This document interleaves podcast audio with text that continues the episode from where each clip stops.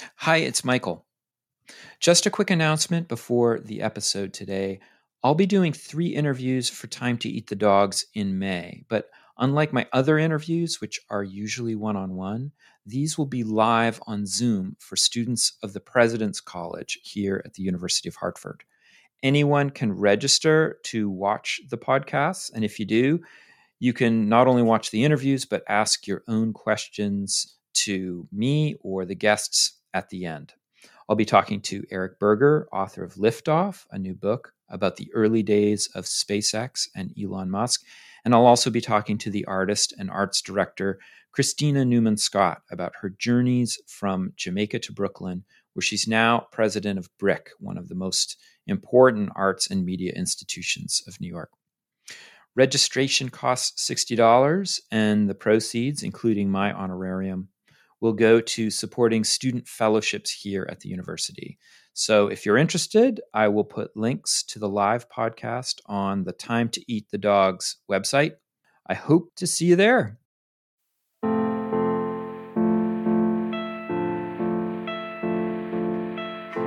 When it comes to exploration, the city of Venice is famous for Marco Polo, but not much else. Yet the spirit of exploration runs deep in this city, a place of mapmakers, capitalists, and young explorers.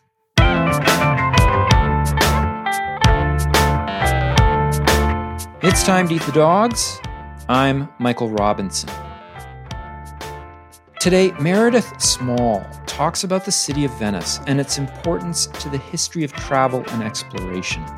Small is a professor emerita at Cornell University and a visiting scholar in the Department of Anthropology at the University of Pennsylvania. She's the author of Inventing the World Venice and the Transformation of Western Civilization. Meredith Small, thank you so much for talking with me. Oh, it's really a pleasure to be here. So, Venice is really an incredibly iconic city, one that I think all of us have seen hundreds of times in images. But you describe many aspects of it that are probably unfamiliar to a lot of the listeners. What's life like in the Venetian lagoon? It's such a a different kind of place. I mean, I'm an anthropologist, and uh, friends have said to me, "Why do you keep going back to Venice?" And my response is always because it's weird. It is. it is just people say unique, this, that, and the other thing, but really it's just weird. Venice is is not like a Western city at all. And that's because it always was a different kind of place. When it was first established, it was a collection of islands and island communities. And it was stuck between Byzantium and Rome. And neither of those great empires paid any attention to Venice. And it grew up by itself, basically. And then it has that unique geography of being in the middle of water. Of course, there are many cities around the world that are set on water or in water, but Venice really took advantage of that geography and became a trading nation.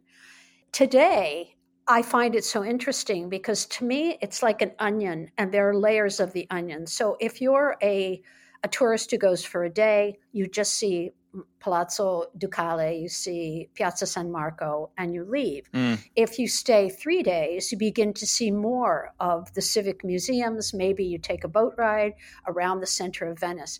But if you stay several months, you get a completely different feeling. You really begin to interact with Venetians. You begin to notice that the people walking on the streets who are carrying briefcases and whatever, those are Venetians and the people standing on bridges talking to each other, they are Venetians. So by staying a long time, I became a little more integrated in the city and then also learning Italian. And getting down into those layers has been interesting and rewarding because for an anthropologist, we love foreign places. And to me, even though Venice is a Western city, it's very foreign to me, which I really, really enjoy. You, yeah, on this um, onion metaphor, uh, you say in the introduction that this is a city of wonders, and I think it does seem kind of otherworldly from the outside, but but you argue that these wonders are actually hidden from plain sight. They're harder to find. Can you give some examples of this? I belong to a rowing club. So when I started going rowing out on the lagoon, I had a uh, Uh, suddenly after going there i don't know seven eight times i then gained an entirely different perspective and began to really understand how much of that city has to do with water and how the history has to do with water and also with the people today. Because sort of hidden in plain sight from the tourists is that there are seven rowing clubs in venice and around Venice. They're constantly having regattas. Tourists don't know anything about this.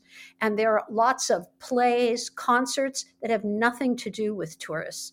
So, again, if you become a little more embedded in the city, and this is true of many places, you get to a layer where you begin to notice uh, a sign that you never saw before. Oh, there's going to be a play in Veneziano, the language of Venice. And I would go to things like that. I never hesitate to do that. There is the tourist Venice, which people always say is like Disneyland, and then there is the real Venice. I have to ask: Is the are the rowing clubs standing rowing, or is this inline rowing? Oh no, they're all standing. Yes, they're standing. Uh, the Bucintoro is the name of my club, and they do have a dragon boat. But basically, yes, you stand, and let me tell you, it's really hard. It's really, really hard, but it's magical. Harder than uh, paddleboarding. Absolutely, absolutely. Because as you're moving, you're, and also it's rowing backwards. So you're basically putting your oar in the water and then pushing. It's just very different than the way we row in America or in England. It's backwards. But because you're standing, and if it's done correctly, and I have been in boats with people who really know how to row, and it just, the boat skims along the top of the water because the lagoon is actually very shallow and you can see the bottom. You can stand in most places. But one of the days I was there uh, in 2019, we rowed out to one of the plague islands, which it, you can't get to. The only way you can get there, you, eh, there's no tour, nothing.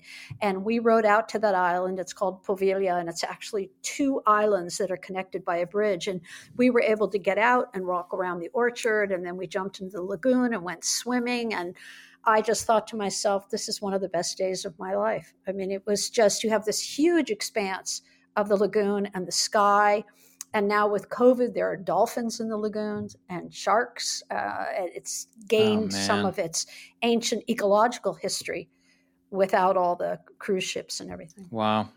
You mentioned before that Venice was stuck between Rome and Byzantium and kind of mm-hmm. forgotten as a city. And there are other ways that you write about it as a bit of an outlier. You say that it doesn't really have the same system of patronage that the big cities like Rome or Paris or Florence have. and yet, also, yeah. it was this place of incredible productivity and ingenuity. So, how does that work?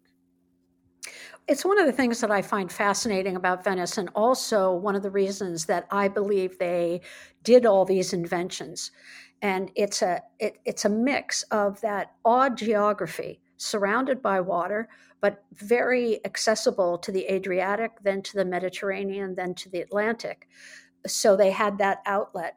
At the same time the government was always for the people. It started out the government started out as communities on these islands and they would have a committee. And then all the committees collected together and formed let's call it a whole lagoon city. We think of Venice as just that central mm. part, but back then it really included all the other islands, the 30 islands. And so the, the government of Venice began as a system of committees, and they also used to meet in the Great Hall. Any citizen, male citizens, of course, could come. And then in 1284, I think it was, they, the so called nobles ousted anybody who they didn't consider a noble. And that some feel that was the beginning of the end of Venice because it was controlled by the 1%. But even during that all of that, Venice has always been a city that cared about its citizens. And that's possible because it was never a city state like Florence, like Ferrara, like Milan. It was always run by the people and there was not a noble class there mm. are no there were no titles handed down nothing like that and so the government has a history of that and it even continued when the nobility which were just rich people started to take over and sort of be in charge of everything. But still, the concern for the average citizen to me was really fascinating. And I think part of that reason has to do with, again, the geography of the city. It's a very small place, it's only two and a half miles wide. Mm. And everybody, there are no cars. Uh, I mean, there were horses a long time ago, but there are no cars now.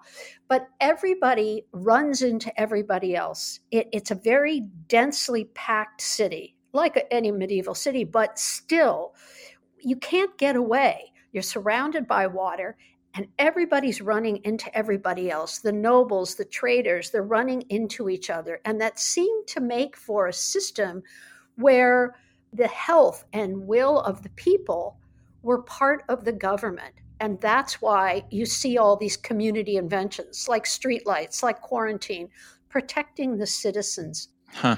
The um, one of the things I found super interesting about your book is that you talk about the maritime culture of Venice and um, and all in all of its different aspects.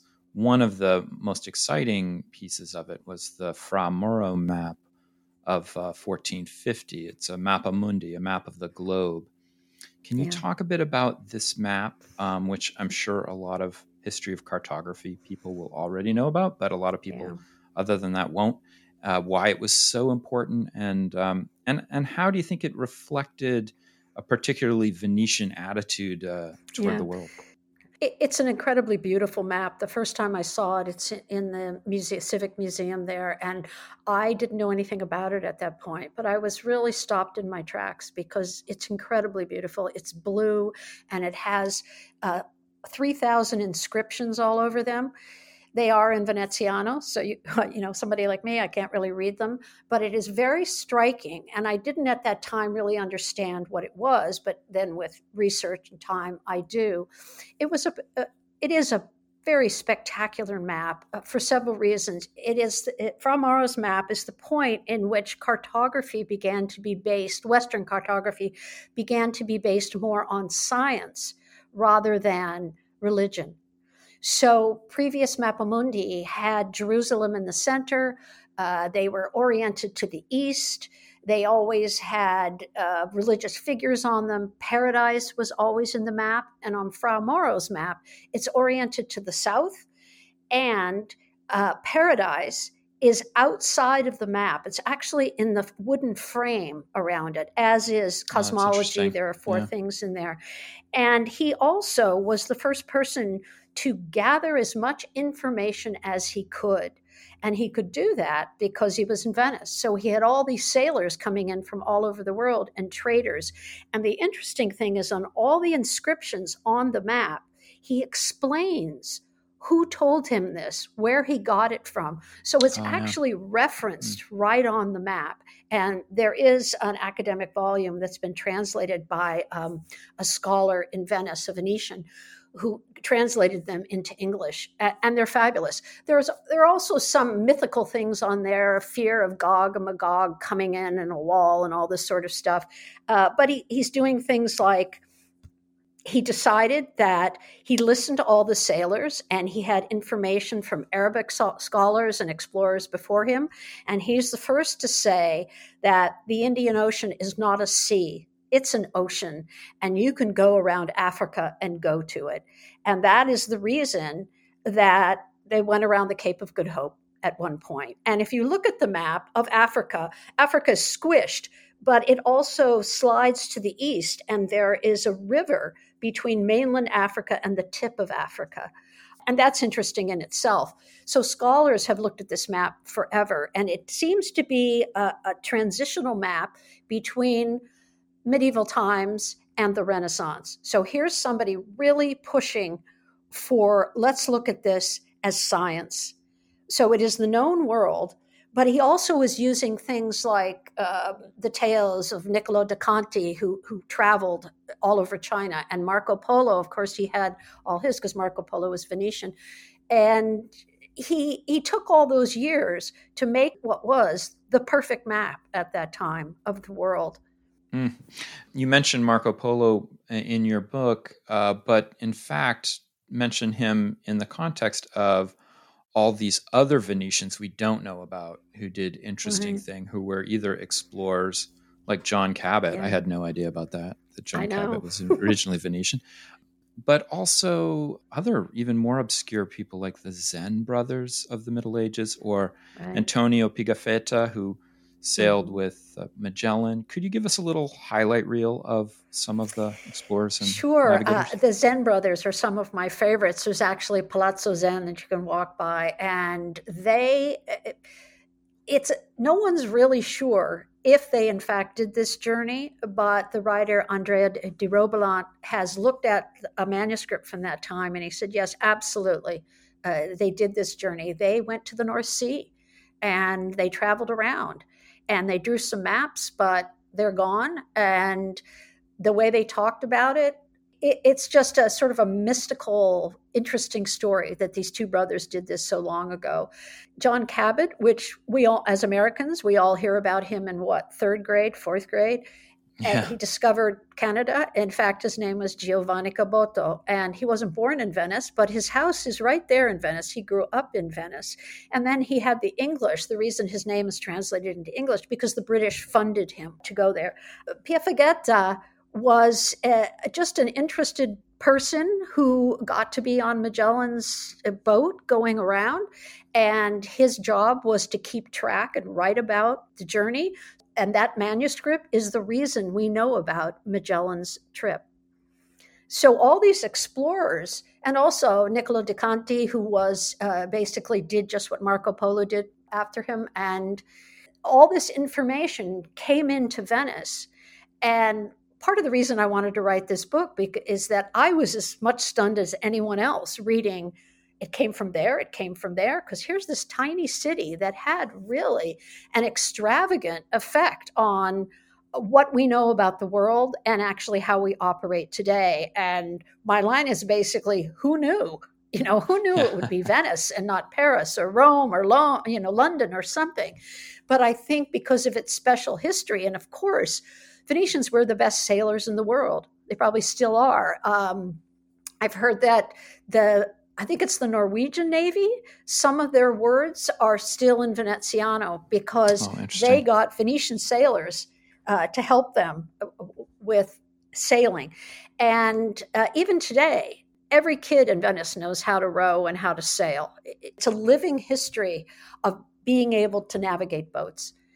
Yeah, the um, parallel to what you were just talking about with this idea of um, Venice and its story of exploration being in the shadow of other places, I did find it very interesting where you talk about how important the production of ships is in Venice and how innovative the Arsenal shipyard is. I think this is especially interesting to me because I find myself focusing a lot on exploration as a set of cultural encounters or uh, kind of cultural reception back home. And I don't spend a lot of time on the economics of it. This is a really interesting story. What's the what's the story behind the Arsenal shipyard? The Arsenale was built at first just to house goods.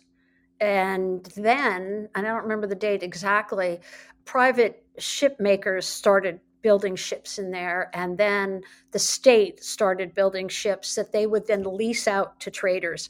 And these ships were a combination of trade ships and fighting ships. There were there was a problem with uh, pirates in the Adriatic, and they were stopping trade ships coming in and stealing all the goods. So the Venetian Navy went out to stop them as well. So they made a variety of ships, and what they did was you can go to the Arsenale right now. It's my favorite place in Venice.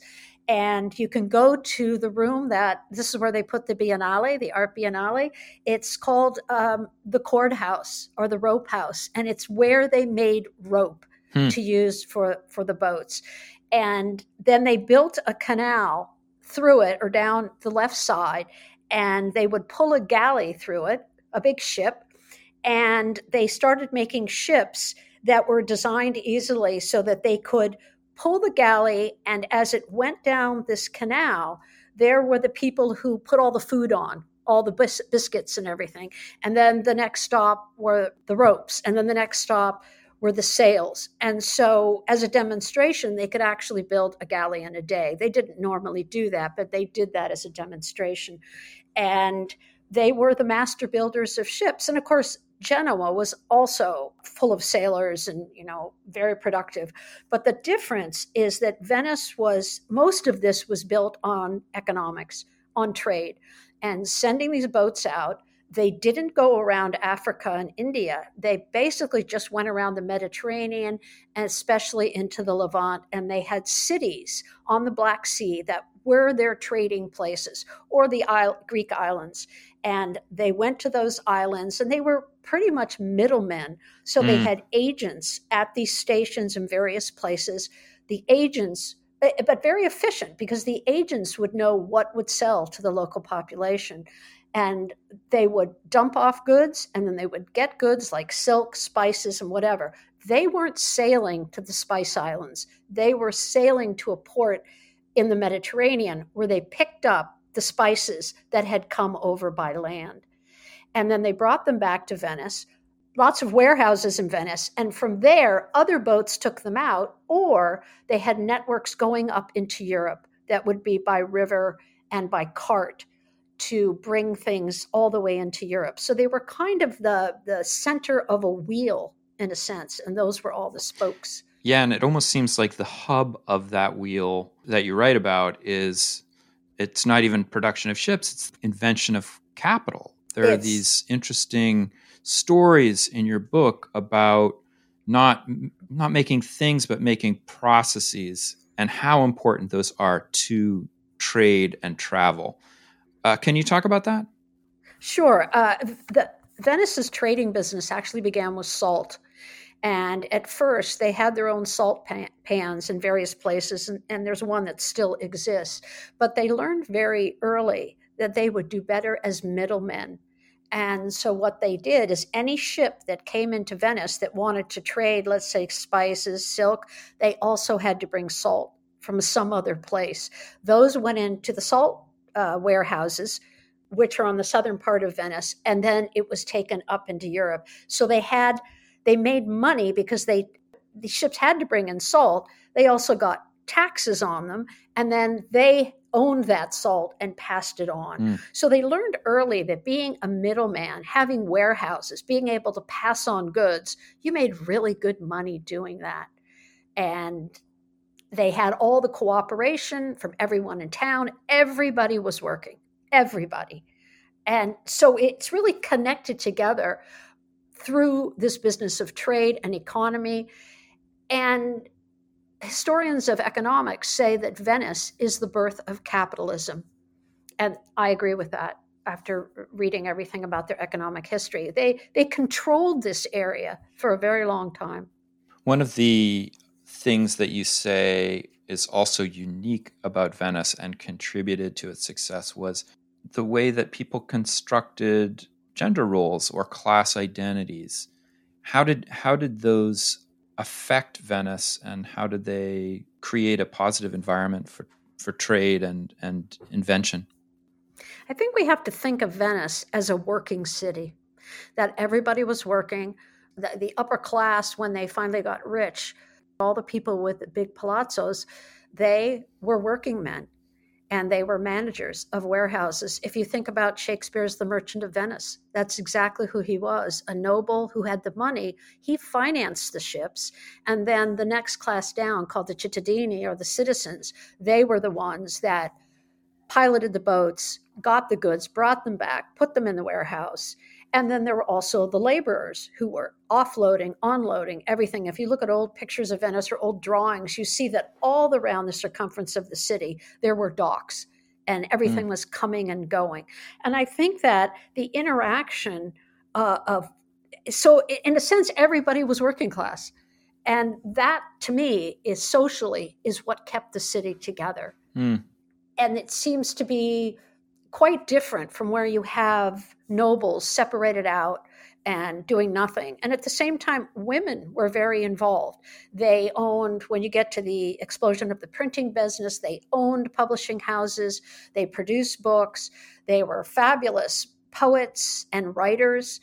working in Venice, and they had a certain kind of freedom. So, with everyone working and everyone being sort of quasi equal, women were able to have lives. They actually owned their dowries always. Oh, interesting. They didn't give them up to their husbands. And there was one woman who owned a glass factory. So wow, you uh, your your training is in anthropology. Your specialty is uh, you focus yes. on primate behavior. You've written a bunch of different books. Um, yes. Your book, Our Babies Ourselves, was about different cultural modes of child rearing, and you wrote about mental illness in different societies in the book, The Culture of Our Discontent, and um, a book about female primate strategies in our choices. A book about Venice seems really different from that, but I'm assuming you're going to tell me how these things connect together. Sure. Uh, it, it, in truth, it's quite a pivot for me as a biological anthropologist. I'm not a historian, but I'm certainly playing one right now.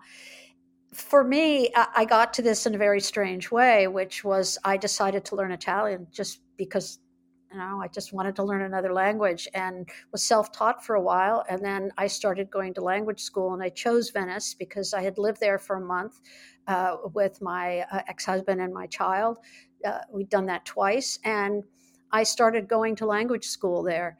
And then I really, it's it's quite amazing how I got to this book.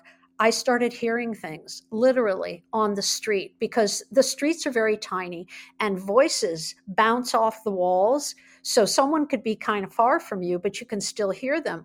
One day I heard a guide in English saying Venice invented government bonds. They invented this, they invented that. And I was like, what? And, and so I began to write them down. Uh, besides being an anthropologist and a professor at Cornell, I also made a lot of my living as a science journalist mm-hmm. writing for Discover and Natural History. And basically, I know a good story when I see one. So I began to construct this list. And then when I'd go home, I would fact check it all. And some things fell off, some stayed on. And it's uh, what I call the red car theory. If if you buy a red car, all of a sudden you notice all the red cars on the street. I just started noticing all these inventions. I'd go to a museum, there would be a tag, and because I could read it in Italian, I would know what it said. And I just kept saying, This cannot be true. By the time I was ready to write the book, I had, I think, 195 inventions, and now it's over 200. And then, of course, the problem was well, how do you write this to make an interesting story? Because nobody just wants a list of inventions. And I got the idea to put them by category, and it actually worked out really well. So, the categories, which are chapters in the book, are things like money, exploration, uh, government, leisure time, the printed word. So, it's not in chronological order, which I think a historian would mostly do. It, it is by subject. And also, for me as an anthropologist, I kept asking the big why question, which is, of course, an evolutionary question. Why do humans invent? And the first chapter addresses that. Why do people invent in general? And why this city? And that is sort of a cross cultural anthropological question. Why this city and not some other city?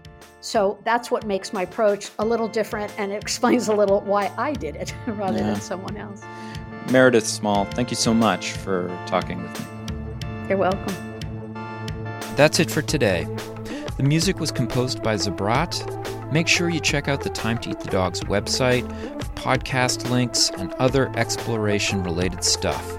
And if you get the chance, please take a minute to rate and review the show wherever you get your podcasts. It really helps make the show visible to new listeners. And if you want to recommend a guest or make a comment, feel free to contact me at time to eat the dogs, that's one word, lowercase, at gmail.com. See you next week.